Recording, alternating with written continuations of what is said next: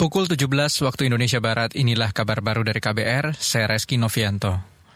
Dinas Penerangan TNI Angkatan Udara membenarkan ada dua pesawat tempur taktis EMB 314 Super Tucano mengalami kecelakaan dan jatuh di Pasuruan, Jawa Timur hari ini. Kepala Dinas Penerangan TNI AU, R. Agung Sasongko Jati menjelaskan, pesawat itu diterbangkan oleh empat perwira menengah TNI AU saat latihan formasi rutin. TNI AU belum dapat memastikan kondisi para korban. Dua pesawat yang kecelakaan itu bernomor registrasi TT strip 3111 dan TT strip 3103. Kita ke informasi lain. Wakil Presiden Ma'ruf Amin mengingatkan bangsa Indonesia harus bergegas mengerahkan segala potensi demografi, termasuk jumlah angkatan kerja yang tinggi dan memiliki kecakapan teknologi digital.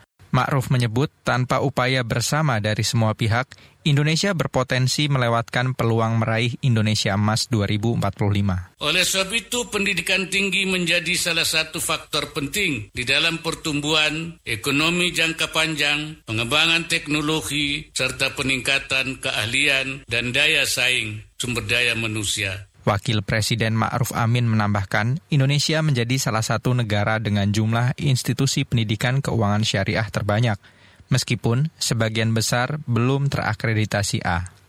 Beralih ke informasi hukum. Ketua Komisi Pemberantasan Korupsi KPK Firly Bahuri membantah tundingan penerimaan uang dari bekas Menteri Pertanian Syahrul Yassin Limpo. Bantahan itu disampaikan kuasa hukum Firly, Ian Iskandar, usai pemeriksaan kedua di Bares Krim Polri, Jakarta hari ini.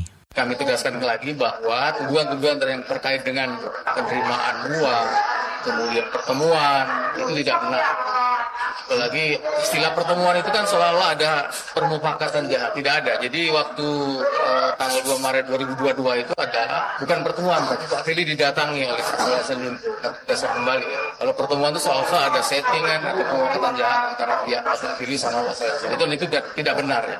Tentu fitnah jadi Kuasa hukum Firly Ian Iskandar tidak membantah adanya dokumen foto pertemuan Firly dengan Syahrul Yasin Limpo di gelanggang olahraga bulu tangkis. Sesuai foto yang banyak beredar di media itu, Ian menjelaskan, justru Syahrul Yasin Limpo yang berinisiatif sendiri untuk menemui Firly.